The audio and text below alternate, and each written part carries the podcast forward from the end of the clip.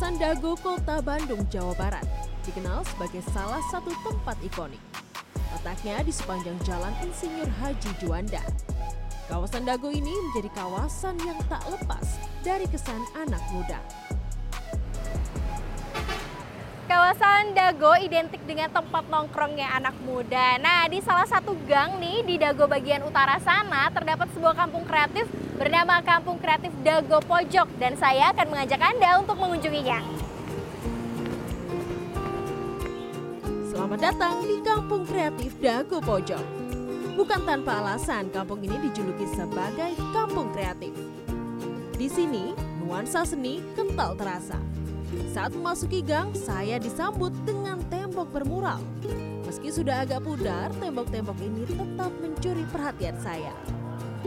Semakin masuk ke dalam, sejumlah anak kecil tengah memainkan kuas dengan cat warna-warni di atas kanvas. Mereka menghasilkan lukisan yang bervariasi. Puluhan hasil karya anak-anak ini rencananya akan dipamerkan dalam event Art Braga pada September 2023 mendatang. Gimana serunya? kayak banyak teman-teman gitu jadi kayak seru kayak ketawa-ketawa gitu ramai ngumpul wah seru seru banyak teman suka kena tuh gitu lah Selain melukis, ada pula workshop pembuatan wayang golek. Wayang ini dibuat dari kayu albasia.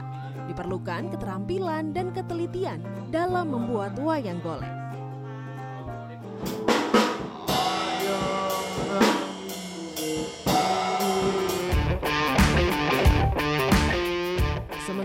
Kegiatan yang satu ini adalah kegiatan musikalisasi puisi. Anak-anak muda yang tergabung dalam kelompok bernama Peluru Kata Berlatih memainkan alat musik dan membaca puisi. Nantinya mereka akan tampil untuk membaca puisi dengan diiringi alunan musik. Ya, kegiatan-kegiatan tersebutlah yang membuat kampung Dago Pojok di Kelurahan Dago, Kecamatan Coblong, Kota Bandung dijuluki sebagai Kampung Kreatif. Hal ini diinisiasi oleh Rahmat Jabaril, seorang seniman seni rupa sejak tahun 2003. Rahmat yang melihat potensi kesenian di Dago Pojok pun berkeinginan membuka ruang kreativitas bagi masyarakat sekitar. Waktu itu saya saya terinspirasi bagaimana kemudian ruang-ruang eh, yang ada di kawasan Dago Pojok ini bisa dieksplorasi gitu ya, lewat seni. Kampung Kreatif Dago Pojok diresmikan pada 28 Oktober 2011. Kehadiran kampung ini pun disambut baik oleh para warga setempat. makin rame makin seru eh, terus makin anak-anaknya antusias terus Namun sayangnya kini Kampung Kreatif Dago Pojok sepi dari kunjungan wisatawan sejak pandemi COVID-19 pada 2020 lalu. Padahal sebelumnya wisatawan ramai berdatangan.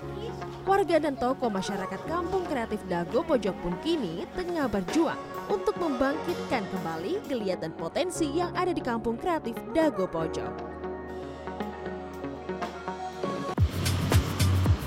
Nah, setelah berkeliling di Kampung Dago Pojok, sekarang giliran rekan saya, Wilam Nasution, yang akan mengajak kulineran.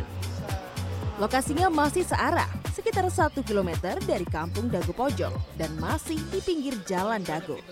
Di sini ada kue balok dan es cincau hijau yang biasanya ramai dikunjungi. Pilihan kue baloknya juga banyak dengan berbagai topping. Yang favorit ada topping taburan coklat dan keju. Selain itu ada pilihan matang atau setengah matang. Setelah dipesan, kue balok segera dibuat. Yang uniknya, cara memasak kue balok dipanaskan dari atas dan bawah selama kurang lebih 10 hingga 15 menit. Jika sudah dihidangkan, paling enak langsung disantap selagi hangat. Nah, harga kue balok di sini bervariasi dari 3 hingga 5 ribu rupiah. Sementara es cincau hijau mulai dari 7 ribu rupiah. Rasanya gurih dan ada sedikit manis, tapi kalau saya lebih milih yang setengah matang karena ada sensasi yang berbeda, yaitu lumer di dalam mulut.